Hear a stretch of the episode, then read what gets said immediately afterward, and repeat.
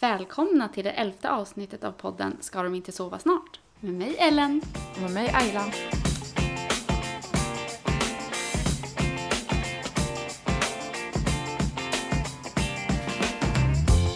Hej Ellen.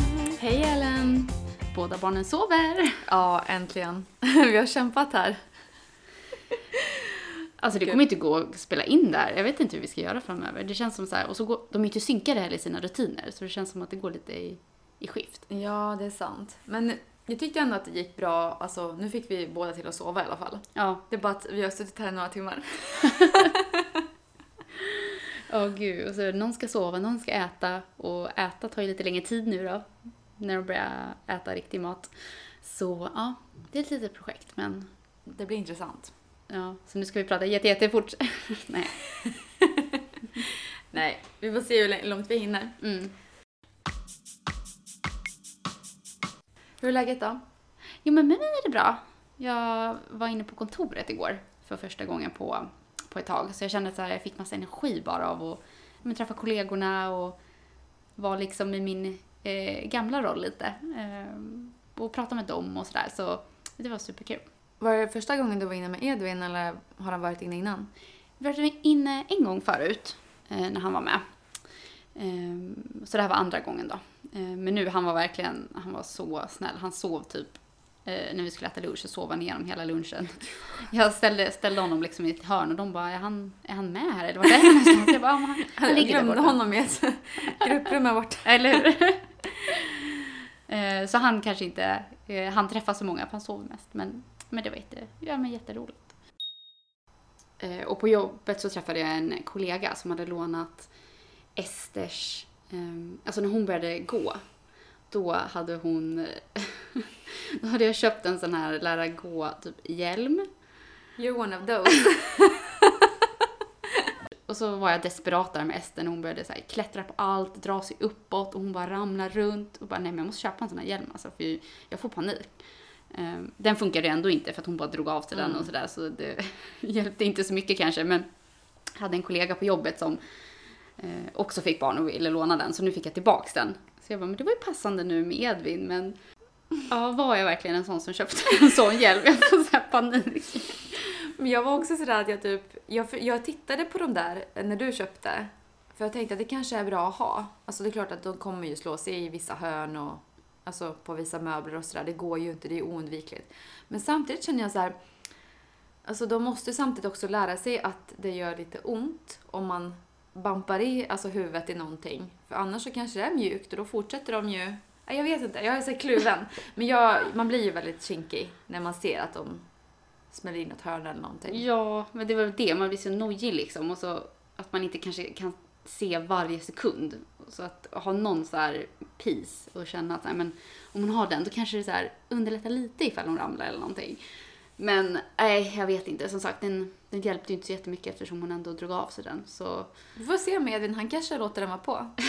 Vi får Ja, vi lägga får ut se. eh, lägg ut live footage, ja, hur det går. Hur mår du då? Jo men det är bra. Solen skiner, 20 grader idag. Det känns som att eh, nu känns det som att sommaren är nära. Jag har Så. längtat så. Snart är den här. Ja, och eh, vi vet att Aston inte är mjölkallergiker. Nej men vi har eh, provat igenom gröt några dagar nu och eh, välling med mjölk då. Och ingen reaktion. Så att vi väntade ju lite mer än en månad sedan han kräktes. Eftersom BVC ville att vi skulle vänta. Eh, och nu vet vi att det inte var det. Men då har ni kört liksom lite i taget för att Ja, komma igång att- eller? Ja men precis, för att se att det inte, alltså, att det inte är mjölken. Att jag har liksom gett lite mer för varje dag.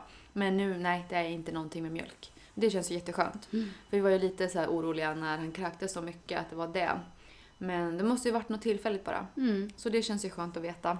Gud vad skönt. Tycker så här överlag allt med allergier och sådär. Det tycker det är lite jobbigt i början när de ska börja äta och testa saker. Man vet ju liksom inte, kommer det komma någon reaktion eller sådär. Jag satt ju med jordnötssmör på en tesked och bara fick typ så här ta mod till mig innan jag gav det till Edvin. Men det gick bra. Ja, men vad skönt. Nej men alltså till mig sa BVC att ehm, eh, vi ska tänka på att det kan ta upp till sex timmar innan reaktionen kommer. Så att Mm. ge liksom nya grejer på morgonen. Så att de inte är trötta och så sover på natten. Eh, om de har fått någonting på kvällen som de inte tål. Det är ju jättebra att veta. Mm. Men, för det var det som hände oss förra gången då, att han kräktes första gången klockan nio på kvällen. Eh, men när jag, när jag så... Jag kände typ att jag blivit lite mer... Alltså jag blev mer försiktig efter att det hände. Jag har tänkt så här, åh vad kul, nu ska vi äntligen börja äta mat och allting. Men jag, liksom, jag, fick typ, jag höll typ tillbaka. Jag var typ rädd för att ge någonting förutom amningen första veckan efter. För att jag ville liksom att magen skulle vila. Och sen blev jag liksom lite mer försiktig med allt än vad jag var liksom innan. Det känns tråkigt att det liksom blev så. Att jag kanske förknippade det, eller att BVC förknippade det med just att det var något han hade ätit. För förmodligen var det ju bara något virus eller något han hade fått i sig under dagen. Mm. Eh, så det känns ju tråkigt nu i efterhand men men det kunde man ju inte veta då heller liksom, ifall han kanske var allergisk. Så. Ja, exakt. Och de vill ju att man är, alltså de vill ju vara försiktiga. Jag förstår ju det. De vill ju inte att det ska ehm, alltså utsätta magen för ännu mer kort efter. Så att jag förstår ju dem också. Det är bara det känns tråkigt för liksom både min och hans skull. För nu, nu känns det också som att alltså, han inte har alltså, börjat äta så mycket så tidigt som jag hade velat. Och kanske för att jag jämför dem med Adrian. Ehm, på grund av det. Mm. Att det liksom påverkade hela. Men Men det är jag som tror, det. Ja, och jag tror att han kommer komma ikapp med det där också liksom. Ja, och han äter ju lite mer nu så att det, är ju, det känns alltså bättre. Det känns bara som att det blev lite försenat. Mm. Men det är skönt att veta att det inte är mjölk i alla fall. Inget sånt. Gud vad skönt. Ja, men förra veckan pratade vi om våra bästa bebistips. Och eh, den här veckan ska vi prata om våra bästa småbarnstips. Mm. Och då tänker vi när de är har fyllt ett och lite senare och sådär. När de fortfarande är småbarn. Mm. Och jag tänker nu har vi ju två stycken sådana också. Så lite kanske vi har att, att bidra med. Ja, vi har väl lärt oss några saker eller plockat upp några erfarenheter på vägen som vi kan tipsa om. Ja. Så får ni fortsätta skicka in era, era fina tips till oss också på Instagram. Ska de inte sova snart? Vi har fått in några stycken. En sak som eh, jag har lärt mig är att även om barnet är blöjfritt och liksom dygnet runt så kan det ju fortfarande hända olyckor. Någonting som har hjälpt oss väldigt mycket under hela den här perioden det är att vi har dubbelbäddat ganska ofta. Och då menar jag att man lägger ett vätskydd, ett lakan och sen lägger man ett vätskydd och ett lakan. Så om det händer en olycka på natten då drar man bara bort översta lagret och så behöver man inte bädda om när man är supertrött. Mm. Det är ju det värsta liksom, mitt i natten när det händer en olycka och så ska man ställa sig upp, alltså ställa sig och bädda rent allt igen. Det är väldigt segt. Och sen visst, det kan ju komma på tecken och på andra saker och så här också. Men just liksom, alltså du ska på med vätskydd och lakan, det är ju ganska segt att behöva göra när man är supertrött. Mm. Och speciellt så, alltså nu när man har haft en bebis att ta hand om också. Verkligen. Jag kommer ihåg när du berättade för mig, det var så här, men gud varför har jag inte gjort det förut? Det var jättebra, jättebra tips. Och jag har en till när det gäller det här med om man vill bli bröjfri. Eh, vi köpte en sån här potta som man kan ta med sig, som man kan stänga igen. Och det kan jag verkligen rekommendera, för då när vi eh, har rest runt och ganska kort efter liksom, att vi blev eh, av med blöjan så skulle vi åka hem. Eh, och då så var det en bilresa på fyra timmar. Och det var så skönt, för då kunde vi bara ta fram den här pottan, Adrian kunde kissa och så kunde vi stänga igen den och så kunde vi åka vidare. Alltså det var liksom, det var så enkelt. Mm. Och även om vi stannade på ett ställe där det fanns en toalett, då kunde han ändå få kissa på sin potta där han var bekväm. Och så kunde man stänga igen den, eller ja, hälla ut. Och ett tips är då, och det här är ett bra tips tycker jag, det är att lägga typ så här, lite alltså tvättlapp, eller om man inte har tvättlapp kan man ju ta typ hushållspapper i botten. För då suger det också upp kisset och så kan man lätt slänga ut det i en påse. Mm. Mm. Gud, det är ju superbra ju. Mm. Körde jag under sommaren. Så att Mm. det var liksom när vi bilade runt i Sverige och sådär. Så var det ganska skönt för det gjorde liksom den biten mycket enklare än med ett småbarn som var blöjfritt. Ja men de här resepotterna nu, alltså det känns som allt har blivit så mycket enklare på något sätt. Jag hade med den nu när vi var i, hos min mamma i helgen. Och hon var så förundrad över så här, en resepotta. Alltså hon bara, det har hänt så mycket i utvecklingen här. Från när vi var små då. Ja. Ja men det så- känns också fräschare typ om man skulle stanna på en offentlig toalett. Då behöver man liksom inte sätta barnet på en toalett Eh, eller typ ta med en toasits, det kan man ju också göra. Men det känns ju bara mer mäckigt och alltså det känns fräscht att ha en egen potta, tycker jag i alla fall. Så att det, det tycker jag är bra att tänka på om man ska ut och resa också i Mm. sommar. Och kanske passa på att ta bort blöjan nu när det blir finare väder och lite mindre ombyten och sådär.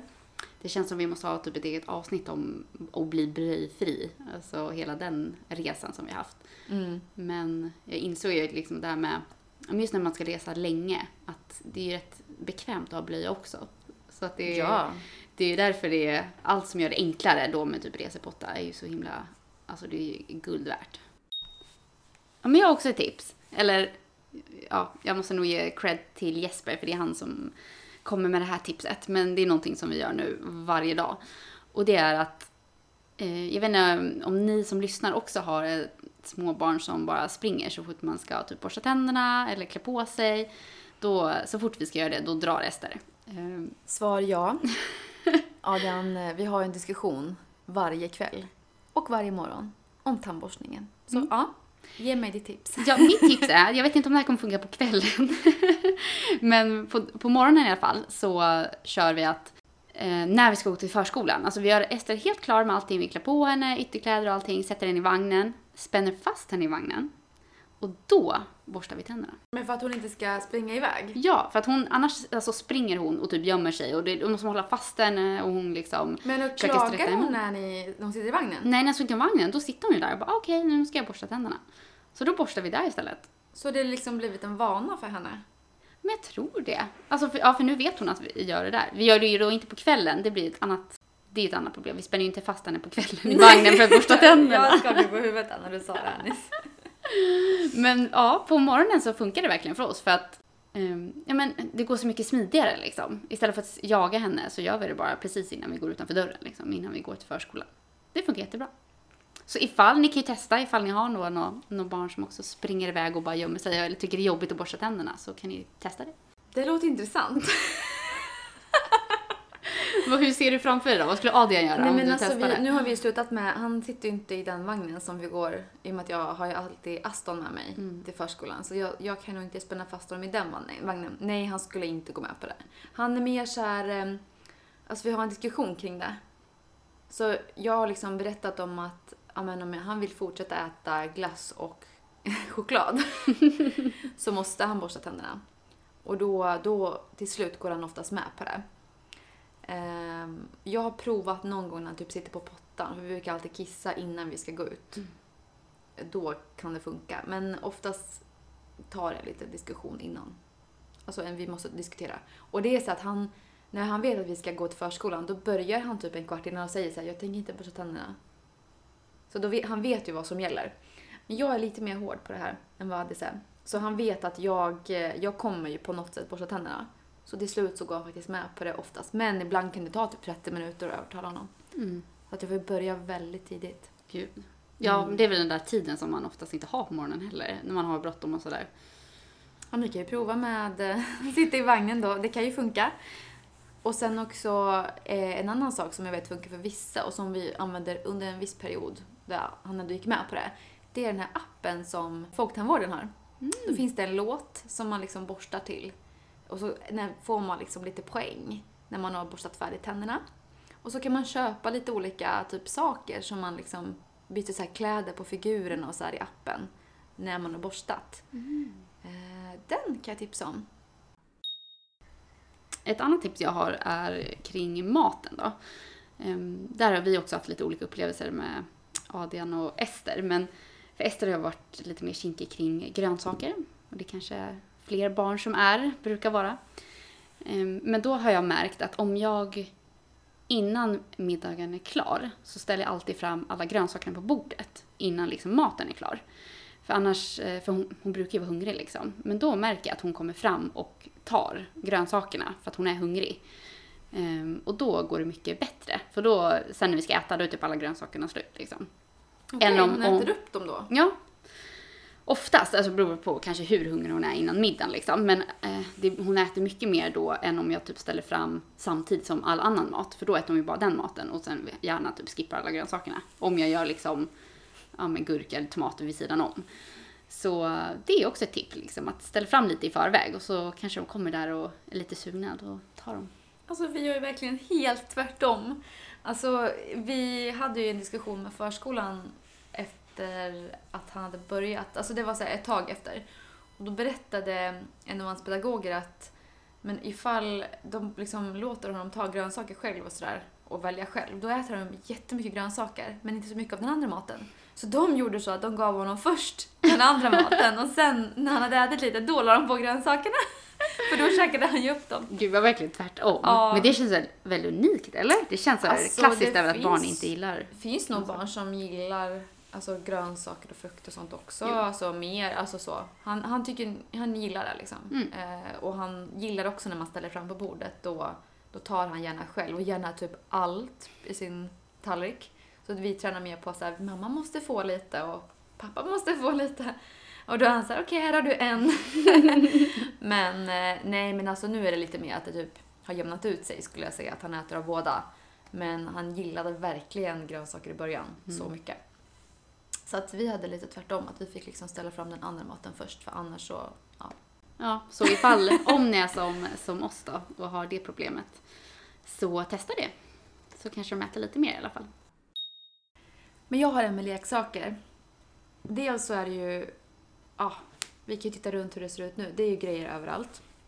Det spelar ingen roll hur många gånger jag plockar bort varje dag. Det ligger ändå grejer överallt.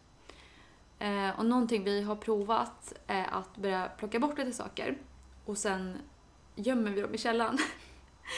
och sen tar vi fram dem efter ett tag. Eller så byter vi, så att han får liksom gå ner med några andra grejer och så får vi ta fram de sakerna vi har i källaren. Eh, och då märker jag att, att Adrian tycker att de här gamla grejerna är jätteroliga igen. Och det är ju ett jättebra sätt, alltså ifall man har mycket leksaker eller fått mycket leksaker så kan man liksom ta undan en del och inte ha allting framme samtidigt. Jag tror också att det finns någonting sånt att barn leker typ inte lika mycket med saker ifall det är för mycket framme. Och sen vet jag också att det finns någonting med att man ska typ högst ha så här 20 saker de ska leka med. Eh, för då typ stimulerar det typ att de leker mer. Det har vi att vi kollade upp lite grann för vi tyckte att det var så mycket saker överallt. Nu tycker jag att det är svårt däremot för nu är ju Eh, Adrian och Aston i så olika faser med vad de leker med. Så jag måste ju både ha framme babyleksaker och eh, Adrians saker. Eh, så nu känns det som att det är ganska mycket saker igen. Men eh, alltså ett tips är ändå att rotera sakerna. För då tror jag att de tycker att det är roligare. Och sen har vi också så här, när vi har typ, när alltså Adrian har fyllt år och sådär, då har vi kanske önskat oss typ det som vi tror att han kommer gilla. Och har han fått någonting som inte riktigt är för hans ålder, då har vi lagt undan det och tagit fram det efter ett tag. Så att han kanske inte har fått alla presenter alltså på en gång. För då känner jag liksom att han typ leker inte med det. Han tycker inte att det är roligt utan det bara ligger där. Och kanske att de provar en gång och sen går de iväg och typ leker med någon kartong istället. Så um, tips är också att typ kanske inte få dem mycket på en gång. Typ vid en födelsedag eller vid jul. Typ ta undan lite och ge det lite allt eftersom. För då tror jag att de uppskattar det mer. Men det märkte jag nu när jag tog fram alla Edvins leksaker, eller Esters gamla leksaker då. Så när jag tog fram dem till Edvin, Ester tyckte de var jätteroliga och jätteintressanta. Även fast det var så här bebisgrejer, men det var ju säkert då för att de har ju inte varit framme liksom på jättelänge. Så jag tror säkert att det finns mycket i det du säger, liksom att rotera eller plocka undan. Och det är samma sak när barn kommer hem till andra barn. Det är ju så roligt för det är ju så nya leksaker eller saker de inte har sett förut. eh, Som ja, bara inte ligger framme sådär. Så det är ja, jättebra tips. Jag har en till som jag vet att några på förskolan har gjort. Det är att de har bytt lite leksaker med varandra. Så att man kanske har typ så här, ja men du lånar några av de här grejerna av mig och så lånar vi några av dig. För då är det saker som barnen typ har tröttnat på. Just det här med att man kommer hem till varandra. Eh, det är ju alltid roligare liksom att leka med någonting nytt. Så istället för att köpa så kan man ju faktiskt också byta lite med varandra. Och sen liksom får det rotera så. Mm, gud vad bra. Det är lite hållbart också. Behöver man inte köpa nytt.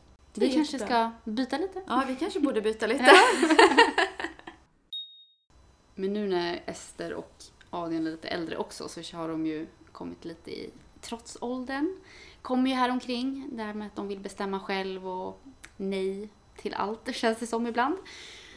Ehm, men något som jag har märkt eh, med Ester, eh, det kanske är någonting som är rätt självklart, jag vet inte. Men jag försöker alltid ge Ester olika alternativ, alltså två olika alternativ. Och så får hon känna att hon alltså bestämmer. Alltså då märker jag att det går mycket lättare, bara att hon får bestämma.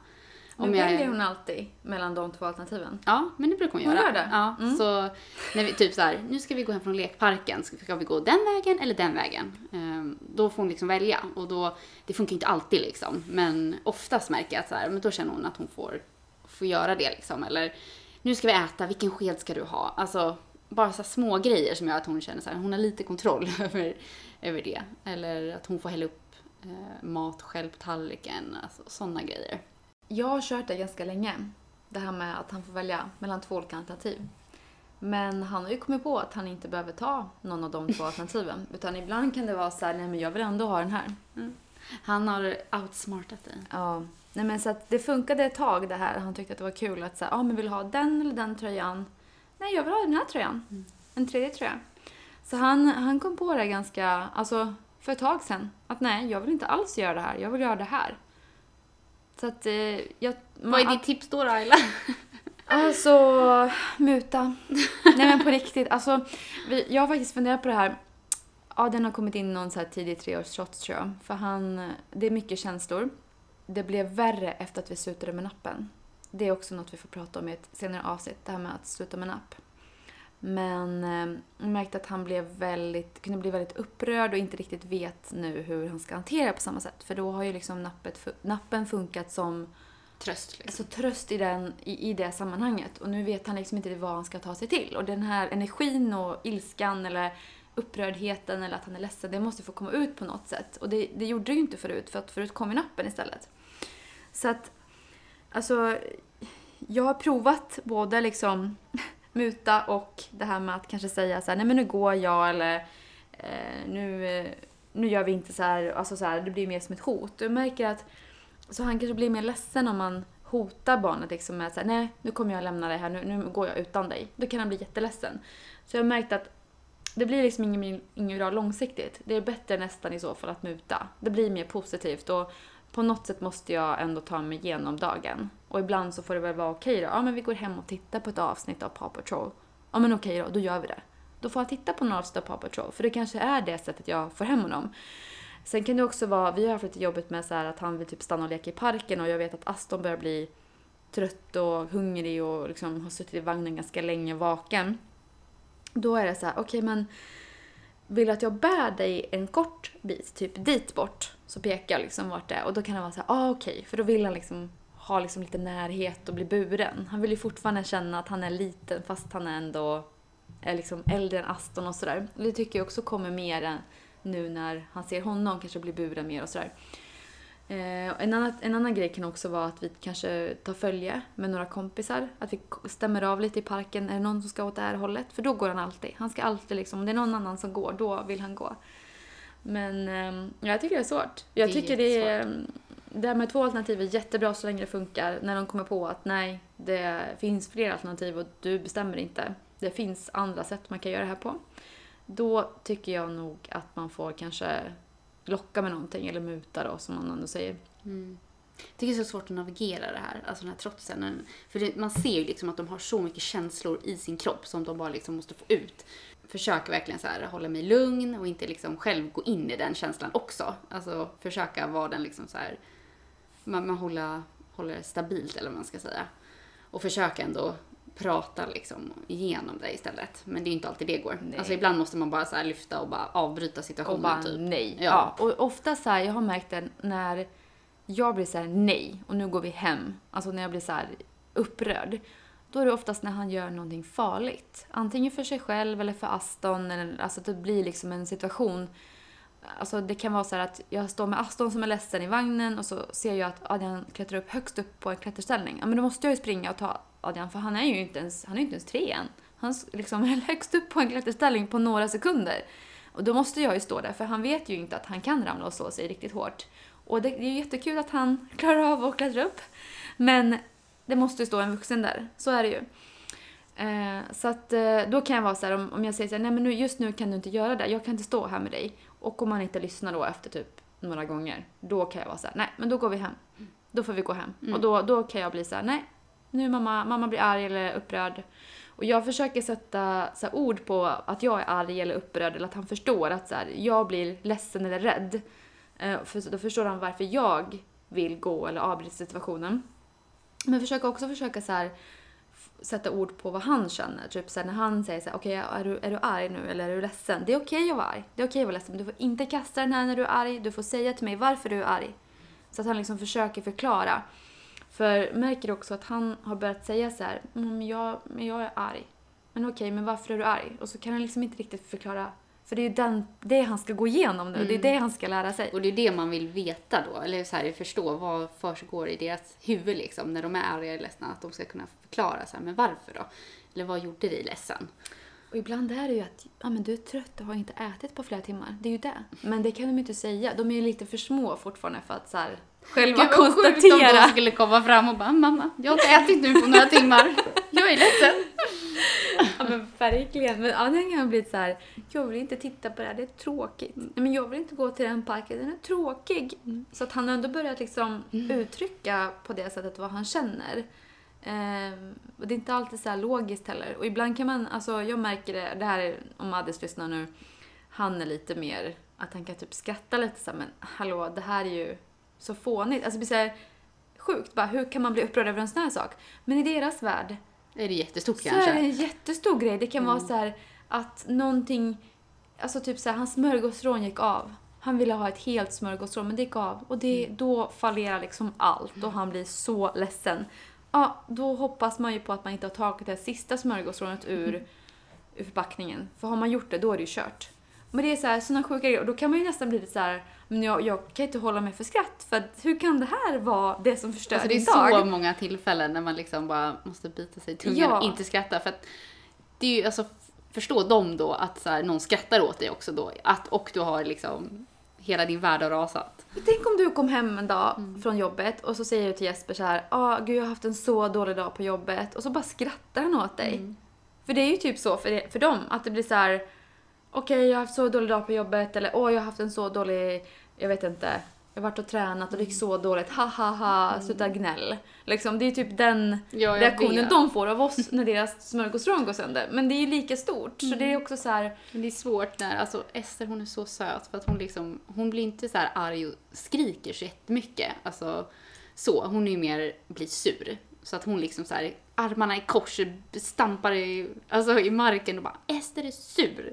Och så då går hon kan man ju iväg. också bli lite så att man vill typ skratta eller så tycka att Ja, hon är gullig. hon är men så säger söt. Mm. man då typ åh vad söt du är eller någonting, då blir de ju förbannade. Ja, För det, så har ju Adis gjort så här, åh men Adis, du, eller så här, Adrian du är så gullig när du, när du är så Mm. arg, då blir han så här, nej! Alltså då blir det så här ännu värre. Och det är klart att man kan ju känna så här, gud vad söt han är Ja. som uttrycker det, men han, för honom är det ju på riktigt. Mm, ja men jag vet, det är jätte, alltså jättestort för dem. Men det, vi kommer väl fram till det, att det där med, som Ester gör, att det kommer från Pippi tror jag. Det här med... Ja men att hon är såhär, Ester arg. Ja. Så jag såg det på något avsnitt sen av Pippi. Så bara, "Aha, det är där det kommer ifrån, att du har lärt dig det De här. plockar upp allt möjligt. Och från andra barn märker jag. Alltså vi har ju haft... Um, Adrian har inte så här skrikit och alltså inte varit liksom sån tidigare. Men nu har han sett några barn göra det i parken. Och då har han testat det hemma. Så i parken gör han inte så. Han, någon gång har han sagt nej, liksom så här på skarpen typ till mig i parken. Men ofta så är han väldigt så här, ganska chill så.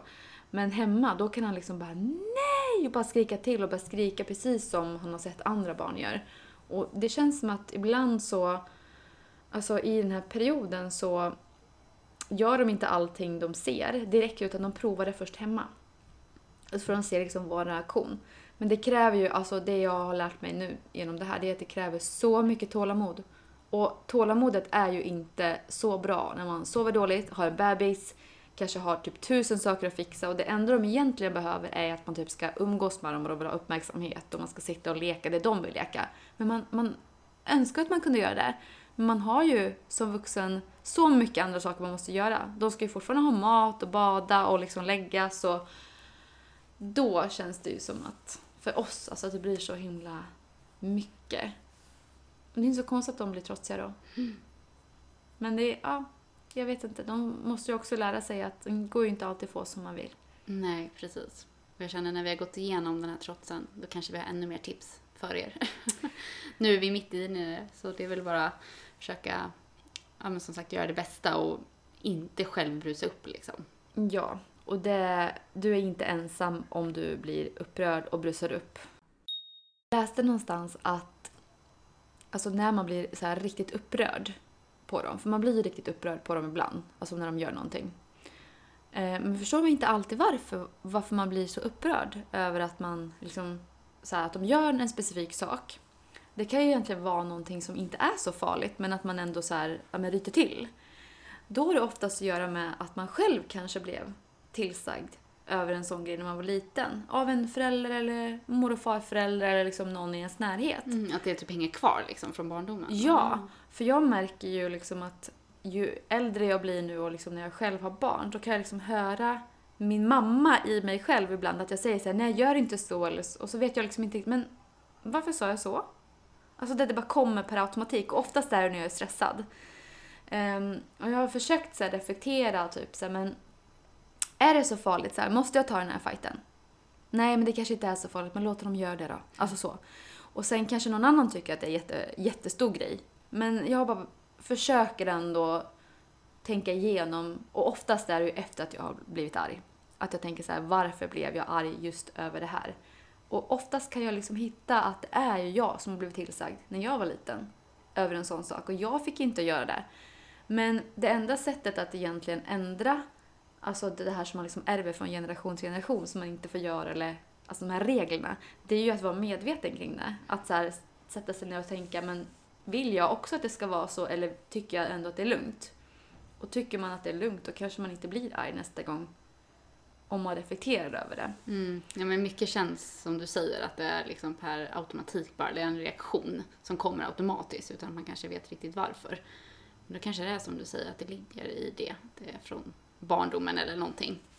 Som man själv har lärt sig att så får man inte göra eller man blev aldrig tillsagd när man själv gjorde det. Nej, precis. Men det är väl just de här, men när det blir sådär farligt, alltså när de gör någonting som är riktigt farligt för dem eller för någon annan, det är då, alltså jag kan bli väldigt sådär rädd eller säga till ordentligt verkligen. Annars är jag nog Ganska chill. ganska chill, Ja. tror jag. Men jag vet inte. Kanske inte jämfört med andra. Men man ska väl inte jämföra sig här heller, utan man ska utgå från mm, ja, vad man själv tycker är okej. Ja, nej men det tror jag. Och där tror jag det är viktigt också att man är synkade som föräldrar. Det är väl det att man ska ge liksom liknande, alltså att vara konsekventa i, i det man säger och gör. Så att det inte är okej kanske med den ena och inte med den andra, för då blir det nog förvirrande för barnen. Ja, och sen tror jag att de lär sig så här, med mamma får jag göra det här och med pappa får jag göra det här. Och det tror jag, det kommer ju vara oundvikligt för alltså med, med Adis till exempel så får han ju oftast klättra högre. Han får oftast hoppa från högre liksom, höjder och jag är lite mer så här, nej. Men det är oftast också för att jag har med mig Aston när jag är med honom. När de två går ut själva, då har ju Adis oftast bara honom. Eh, och då har han ju uppsikt över honom på ett annat sätt. Vi får ju se hur det blir när Adis är föräldraledig. Om han då blir lite mer så här: nej nu får du inte göra det för nu måste jag ha koll på två. Mm. Så att jag, jag vet att han har lärt sig att han får göra vissa saker mer med Adis än med mig. Mm. Och då är det svårt att vara, det är svårt att vara konsekvent. Men jag tror också, är man konsekvent i sig, då vet de ju också, det här gäller alltid när jag är med dig. Han vet att han aldrig kommer slippa undan tandborstningen med mig till exempel. Men med Adis så kanske det går. Ändå väljer han att borsta tänderna med mig. Så det... Han vet vad han får. Mm. Ja. Men också ett tips ehm, när man kanske måste avsluta någonting, man är i parken eller man leker med någonting och så måste man avsluta. Eh, det är att sätta en timer på mobilen. Eller liksom antingen sätta en timer på mobilen eller bara alltså informera, alltså berätta för barnet en tid innan att vi kanske ska gå eller vad det nu är det att vi ska gå eller nu vad det kan vara. För oftast märker jag att Ester blir liksom upprörd när det kommer liksom plötsligt från ingenstans. Typ att vi leker och sen bara, nej men nu måste vi gå hem. Men om jag liksom varnar henne lite innan, att jag säger liksom att men du får leka fem minuter till eller du får åka tre gånger på rutschkanan, sen går vi hem. Då känns det, då är hon lite mer förberedd och vet så här, men det här kommer komma. Kommer komma. Eller typ på kvällen att hon ser på någonting på tvn och då säger jag liksom, ja ah, men du får se klart det här avsnittet, men sen. Eller liksom istället för att bara stänga av tvn och säga nu ska vi upp och lägga oss. För då blir det oftast liksom, ja men att hon blir ledsen Ja, eller liksom sådär. skrik, gråt. Ja, så det är liksom ett tips.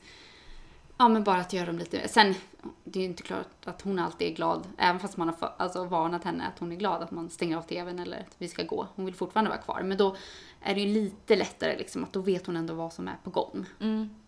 Men vi kör faktiskt samma. Jag brukar säga men du får, du får gunga lite till eller vi, vi gungar liksom ja, men några, några gånger till och eh, några minuter till. Att, vi liksom, att jag börjar liksom lite innan när jag ser att men det är dags att börja röra sig. Eh, jag hade en sån upplevelse igår där han var så här, sprang fram till gungan och den ligger jättenära förskolan då, den här parken. Eh, och då säger han att jag vill gunga. Och jag ser ju på klockan att men vi behöver vara på förskolan om typ fyra minuter. Alltså så, vi ska lämna prick nio. Och då var jag så här, oh, jag bara, men Anja, vi kommer nog inte hinna. Men jag vill verkligen gunga. Okej, okay, men Ska vi gunga en gång? Vi gungar en gång så här, att vi liksom puttar på honom en gång. Så får han liksom vara kvar i gunga i kanske en minut. Han bara ja. Och då fick han det. Och sen var han hur lugn som helst och sprang till förskolan. Men hade jag sagt då nej, absolut inte, du får inte. Då tror jag att han hade alltså, skrikit eller gråtit eller att han hade blivit jätte, alltså han, han hade nog känt så att han inte har någon kontroll över situationen. För det är oftast det som gör att han blir så ledsen. Och då kände jag så här, men jag förlorar ingenting på att gunga honom typ i en minut. Men han, för honom så var det viktigt. Mm. Och då kanske ni ändå hade kommit sent om du ja. hade sagt nej för att han inte hade velat gå då. Alltså. Och så hade min morgon varit förstörd typ och mm. Aston kanske hade vaknat i vagnen och ja. Nej men så att man får, lite så känner jag nog att, alltså man får, och det här är någonting som jag kanske också har lärt mig nu med tiden. Alltså det, jag kanske inte gjorde så i början. Det var så här, åh nu måste vi skynda oss för då är man så stressad över att man ska pricka in alla rutiner. Eh, men nu är jag lite mer chill med det och så här, okej, okay, låt honom bestämma någonting då på vägen så kanske det går smidigare.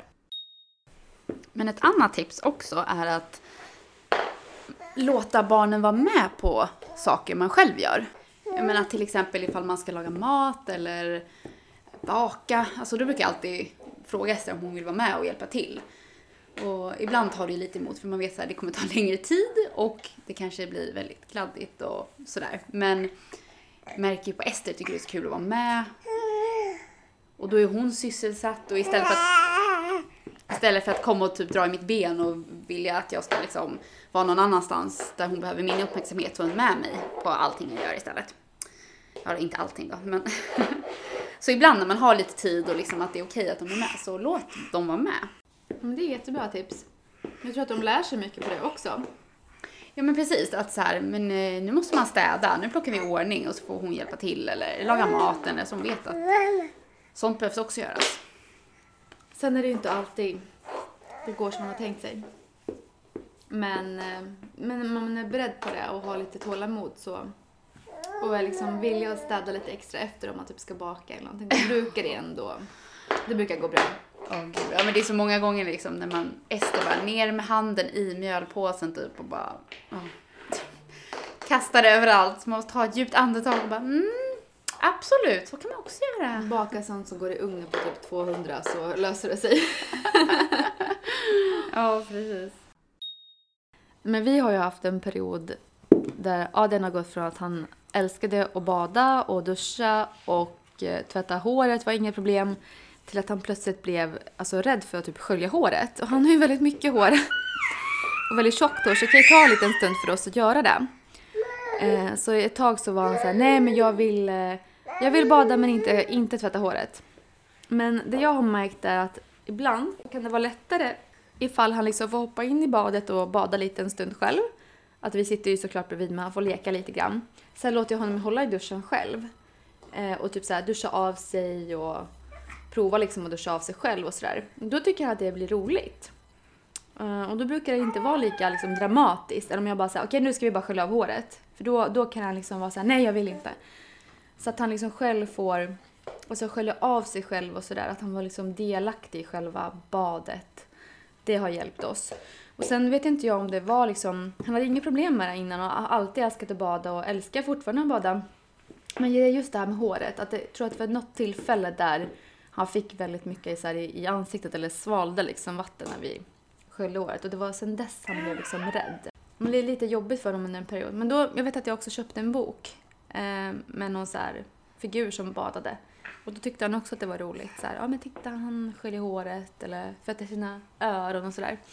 Och det, det hjälpte också. I början i alla fall, alltså att komma över det värsta. Men när vi ändå pratar om duscha och bada och så. Något som vi inte hade med Ester, för då bodde vi i en lägenhet så då hade hon en balja. Men nu bor vi i hus och då har vi badkar. Och eh, någonting som en, en kompis till mig eh, skaffade, eller som jag såg att hon hade, var en sån här badstol. Jag vet inte om du har hört om det? Men eh, så då liksom sätter man i den i badkaret istället för typ en sån här matta. Ehm, för det är ju så himla halt ju, alltså de, det är livsfarligt. Ehm, så nu kan Ester och Edvin bada tillsammans för då sitter han i den här badstolen istället. Och så är Ester bredvid. Så det är ett tips att köpa alltså en sån, för det underlättar väldigt mycket. Att, eh, ja, men det är typ, istället för att ha baljan, nu när han ändå kan sitta upp och sådär, så kan de bada tillsammans. Det är jättebra. Veckans känsla. Ja, veckans känsla då? Vad sa du? Vi, det är good vibes. Good vibes. Nej men jag tycker det är bra. Jag tycker det känns... Eh, en bra känsla. Det känns som att det händer så här roliga grejer på Adrians förskola också. I morgon är det förskolans dag. Då har de lite så här lopp som de springer varje år och de brukar typ så här, eh, ja, men få typ äta lite korv ute och typ fika och glass och sådär. Så att jag tror han kommer ha det väldigt roligt. Men gud, det finns verkligen dagar för allt. Jo men det gör det ju. Verkligen. Men gud vad roligt ändå att de hittar på någonting sådär. Ja, och nu har det varit, du vet, det har varit pandemi. Vi har inte fått se så mycket alls när det gäller förskolan. Och nu nästa vecka ska de ha liksom så här sånguppvisning och typ en sommarfest för barnen och, och liksom vårdnadshavarna. Och det känns ju jättemysigt. Vi har inte fått gå på någonting sånt på vår förskola. Så det är så här första gången vi är inbjudna allihop och komma och kolla. Så det ska också bli jättemysigt. Så jag ser så här fram emot det verkligen. Men du ser väl ner här, alltså från din lägenhet dit där de ska vara eller? Ja, jag, inte du förskolan kan- men jag ser när de ska springa loppet och där. Då ser Kan du, kan du spionera lite? Jag kommer se? stå på balkongen och spana och se hur det går på det här loppet. Absolut, det kommer jag göra. Gud. Man brukar höra dem även om man vill eller inte. Men är du sådär, man är så olika, men typ vill att han ska vinna? Är du liksom en så här, han ska Nej, vinna tävlingar? Eller, eller är du mer, Jag vet att han ska bara att han har kul och deltar? Alla Nej. får vinna. Nej, men jag tror att det också är mer så att alla ska vinna. Alltså när de är så små också Ja. känns det ju... Nej, jag är med att han ska ha kul, att det ska vara mysigt, liksom själva upplevelsen. Mm. Och du då? Ja men jag är också sådär, alltså jag får ju typ så här, jag tycker alltid så synd om någon som förlorar. så jag tycker att alla ska vinna typ på en medalj, men det får ju Jesper panik Alltså när jag säger det. Men det är Va? ju så det ska vara när de är små. Man vill ju inte så här, man vill ju uppmuntra dem när de är små. Ja men han, alltså de kom, alltså han kommer ju från verkligen så här sportfamilj också så det är så här, man ska vinna. Man ska liksom alltid, ja men det är klart man ska alltid göra sitt bästa liksom men Ja, komma först. Hur, hur, vad är veckans känsla för dig då? Nej men jag är också, alltså good vibes, väldigt, väldigt pepp. Det känns som att det är så här mycket som händer nu. Det känns alltid så när, det är, när maj kommer tycker jag att det är så här, ja men det är mycket, ja men det är många ja, men lediga dagar, det börjar bli fint väder, sommaren är snart här. Ja, det känns bara som att det är så här, händer väldigt mycket. Så ja, men jätte, vi mår bra. Men hörni, tack så jättemycket och hoppas att eh, ni har tagit med er något tips från förra veckan och den här veckan. Ja, någonting kanske var nytt som ni inte hade hört som ni kan ta med er. Och tack så jättemycket till er som har skickat tips också, som vi har delat på vår Instagram. Ska de inte sova snart? Eh, Fortsätt skicka in, alltså vi tar emot alla tips, är bra tips. Ja, och vi kommer ju prata lite grann eh, om andra tips som vi har i andra avsnitt också. Vi tänker att vi, förutom det här med att börja förskolan, ska prata lite grann om att sluta med blöja och sluta med napp också. Ja, men nu, nu har ju barnen vaknat som ni kanske hör så nu ska vi hänga lite med dem. Ja, så hörs vi nästa vecka. Det gör vi, ha det bra! Ha det bra, hej då! Hej då!